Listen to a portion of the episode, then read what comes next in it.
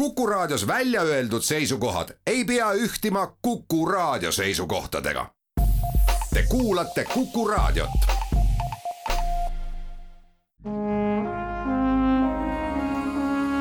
Vanemuise veerand. tere kõigile teile, head Kuku raadio kuulajad. Vanemuise veerand alustab tänaseks, meil on külas Vanemuise kirjandusala juht, tere, Anu Tons tere! mina olen saatejuht Tiia Rööp. meie kokkusaamise põhjuseks on üks aprilliõhtu sada nelikümmend aastat tagasi, aastal tuhat kaheksasada kaheksakümmend kolm, kahekümne neljas aprill. aga enne veel, kui selle väga tähendusrikka õhtu juurde jõuame, räägime mehest, kelle puhul on vist õige öelda, et ta pühendas oma elu teatrile ja muusikale. see mees on August Viira. mõni sõna August Viira iseloomustamiseks jah, kui rääkida tolleaegsetest kultuuritegelastest, kes eh, esile kerkisid, siis me vist peame tõesti hetkeks mõtlema, et kes nad olid, kust nad pärit olid, et enamik neist eh, olid ju väga lihtsatest oludest, Eestis ei olnud ju veel välja kujunenud sellist ähm, laiapindset intelligentsi, vaid et need olid tõelised entusiastid, kes kuskilt olid maitse suhu saanud. Antud Viira puhul siis selle muusika või teatri tegemise maitse, et August Viira oli siis Tartu Jaama mõisa sepapoeg ja temaga läks veel isegi nii, et äh, ta sündis pärast oma isa surma ja anti sugulaste juurde siia Tartumaale kasvatada, kasvas hoopiski siin Elistveres ülesse ja mm, õppis lapsepõlves mängima mitmeid pille, ta oli hästi musikaalne ja muusika tõmbaski teda kõige rohkem, tegelikult ta tahtis saada muusikuks, et tema suur unistus oli minna õppima mm, Läti Valka Siimse seminari, mis oli siis tolleaegne kõige uhkem muusikaline õppeasutus siinkandis, aga mm, selleks ei olnud raha ja nii ta tuli siis Tartusse Tisleri õpilaseks. tahtis ta saada lauljaks, tal oli imeilus hääl, aga sellega läks ka kehvasti, et esimesel äh, laulupeol Tartust äh, pärast siis seda pidu suures äh, sellises joovastuses sellest õnnestunud peost, ta siis külmetas öösel ja see põletik oli siis nii suur ja ravimid olid tollel hetkel ilmselt ka siis sellised kehvavõitu, kui neid üldse oli, et ta kaotas igaveseks oma hääle ja hiljem on siis kirjeldatud kui väga käredat häält. aga see Tisleri õpilane, kes siis siia Tartusse sattus, sattus siis ka otsemaid Vanemuise seltsi koori ja tuleb vaid imestada seda entusiasmi selles mõttes, et väidetavalt siis Tisleri õpipoisi tööpäev algas hommikul kell viis ja lõppes õhtul kell kaheksa ja pärast seda läks ta siis äh, proovi Vanemuise seltsi, et on kuskil säilinud isegi mingid paberid, kus siis küsitakse teda natukene varem või et luba seal seltsi kooris käia. ja samaaegselt avastab ta siis endale ka Tartus tegutsenud Saksa teatri võlud ja käib siis ka teatris, saab sealt tohutu sellise teatripisiku, nii et mingil hetkel, kui Vanemuise selts tahab anda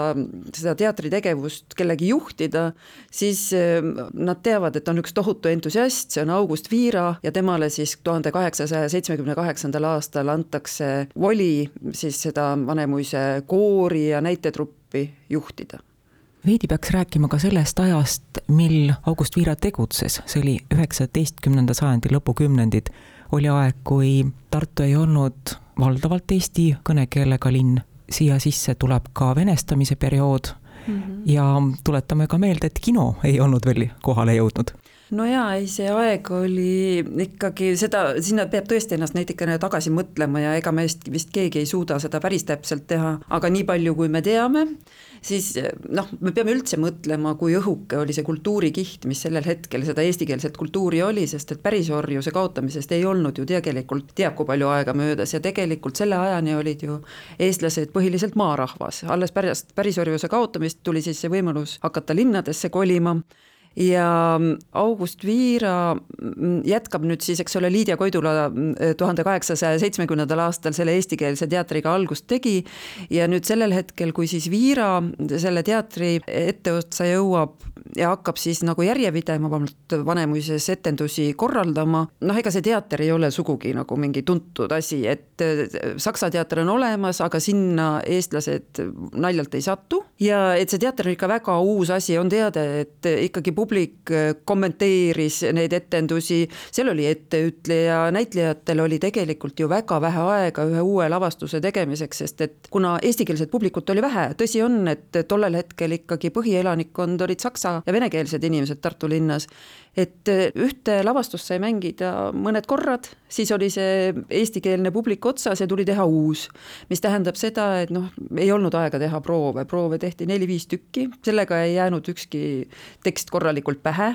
kasutati etteütlejat, et noh, et see teatrisituatsioon oli ikkagi hoopis-hoopis teistsugune. repertuaar oli lihtsakene, mängiti selliseid halearmsaid lugusid, Deborad ja Novevad kannatasid seal, seiklusjutte maalt ja merelt, sellised kaheksakümne päevaga ümber maakera ja igasugused imeasju armastas Viira lavale tuua, igasugused loomad mõtles välja et noh, et selles mõttes see oli hoopis teistsugune maailm, et, et see repertuaar muidugi jällegi vastas ühtepidi sellele August Viira haridustasemele, sest tal endal ju ei olnud teab kui suurt haridust, ja vastas siis ka tegelikult selle publiku haridustasemele, sest et valdavalt see publik oli ka selline lihtne väikese kooliharidusega inimene, valdavalt siis käsitööline eelkõige ja Viira teatri näitlejad olid asjaarmastajad ja seda suure algustähega. jaa, absoluutselt, et, et täpselt nii, nagu ma kirjeldasin seda August Viira, Tisleri õpipoisi mm, aega, et ta alles kell kaheksa õhtul sai töölt lahti, tegelikult noh, kas nüüd kõik tööinimesed sama pika tööpäevaga olid, seda ma ei julge kinnitada, ma pole uurinud, aga igatahes on teada, et pärast pikka päevatööd siis needsamad valdavalt käsitöölised Eesti soost tulid siis sinna Jaama ja Roosi tänava tänava nurgale Vanemuise eh, seltsi majja kokku ja tegid seal siis tegelikult poole ööni näitemänguproovi ja tõesti asjaarmastajate teater selles mõttes, et õppinud neist ei olnud mitte keegi, ka ükski nendest juhendajatest, samamoodi mitte näitlejad ja, ja ega nad mingit töötasu ka selle eest ei saanud, see oli puhas õhinapõhine töö, et kuskilt on mälestustest välja tulnud, et ehk anti siis seltsi poolt, ma ei tea, tassike teed või üks saiake, hilisemal ajal küll võib-olla seal sajandi lõpus on juba näha kuskilt, et siis peaosade mängijatele on midagi makstud ka, aga esialgu üldse mitte, Nüüd tuleks rääkida sellest, mis juhtus kahekümne neljandal aprillil sada nelikümmend aastat tagasi, tuhat kaheksasada kaheksakümmend kolm. jaa, et eh, see kahekümne neljas aprill tuhat kaheksasada kaheksakümmend kolm on siis selles mõttes tähtis päev, et sellel päeval esietendus mm, siis Karl-Maria von Weberi, tollel hetkel nimetati seda ooperiks, noh nüüd ma võiks öelda muusikalavastus, Preziosa ehk Mustlase tüdruk, mis siis ühtlasi märgib ka eestikeelse muusikateatri algust, et selles mõttes on see väga-väga tähtis päev ja ütleme, et selle hetkeni siis mm, läks hulk aega, kuni Viira siis oma suure muusikaarmastusega julges nagu selle tüki ette võtta, et teha siis läbinisti muusikalavastuse, et see oli ikkagi väga suur asi tolles hetkes, ega siis keegi ei uskunud, et nendest asjaarmastajatest selle noh, siiski suhteliselt nõudliku partituuri nagu mahalauljaid on, et selles mõttes, et Viira tõesti armastas muusikat kogu hingest ja see tema teatriarmastus ka, et kui ta ka draamalavastusi tegi, siis ta üritas sinna igale poole laule sisse põimida ja noh, need võeti tihti hästi vastu, aga on kirjutatud, et ta põimis neid sisse ka sinna, kuhu nad tegelikult üldse ei sobinud. Aga sedasama Preziosat nägi ta siis ka Tartu Saksa teatris ja see teda nii vaimustas, et ta hankis siis endale noodimaterjali ja ühel hetkel otsustas, et see on võimalik, et selle me suudame ära teha. ja nii see siis ka ära tehti, seal oli tõesti laval üle viiekümne inimese ja seda tükki saatis ka tõesti tolle aja kohta erakordselt suur menu, sest et ta oli ikkagi laval väikeste vahedega muidugi tuhande üheksasaja kolmanda aastani ja etenduskordi tuli kokku sada neliteist, mis tähendab seda, et et noh, publik ikka hääletas jalgadega väga selle tüki poolt. et uhke, uhke. mis võlus publikut selle tüki juures? eks seal on mitu asja, et väidetavalt siis ähm, ühtepidi see Karl-Maria von Weberi praeguseks siiski suhteliselt vähetuntud teos, me tunneme seda autorit pigem tema ooperi Nõidkütt äh, järgi et äh, sellele esiteks on väga selline romantiline süžee, et seal on siis selline mustlastüdruk, ja tema äh, siis selline salapärane päritolu, mis hiljem ta selgub, et ta ei olegi mustlastüdruk, aga noh, ta on üles kasvanud seal ja tal on erinevad armastuse lood ja seal on siis selliseid tohutut kirge ja mitu meest ja, ja valusad loobumised ja tohutu selline noh, ta on selline hästi keeruline, mitmekihiline ja hästi romantiline, ilmselt see nagu meeldis publikule. Ja see, et võib-olla siis madalast seisusest tüdruk äh, ikkagi kõrgemast äh, seisusest mehes mingeid tundeid äratab, ka see ilmselt noh, selline võimalus. Ja teiseks ilmselt ähm, siis need uhked kostüümid, ajastu kostüümid, mis siis mitmelt poolt kokku lapiti, et teatril ei olnud väga palju, aga siis on teada, et neid on renditud kelleltki proualt, kes siin Tartus kostüümiladu pidas juurde, see olevat väga kirev erinevatest ajastustest kokku pandud, aga no ega siis see Eesti inimene ei teadnud, mis siis täpselt ühes või teises oli väga uhke nägi välja. ja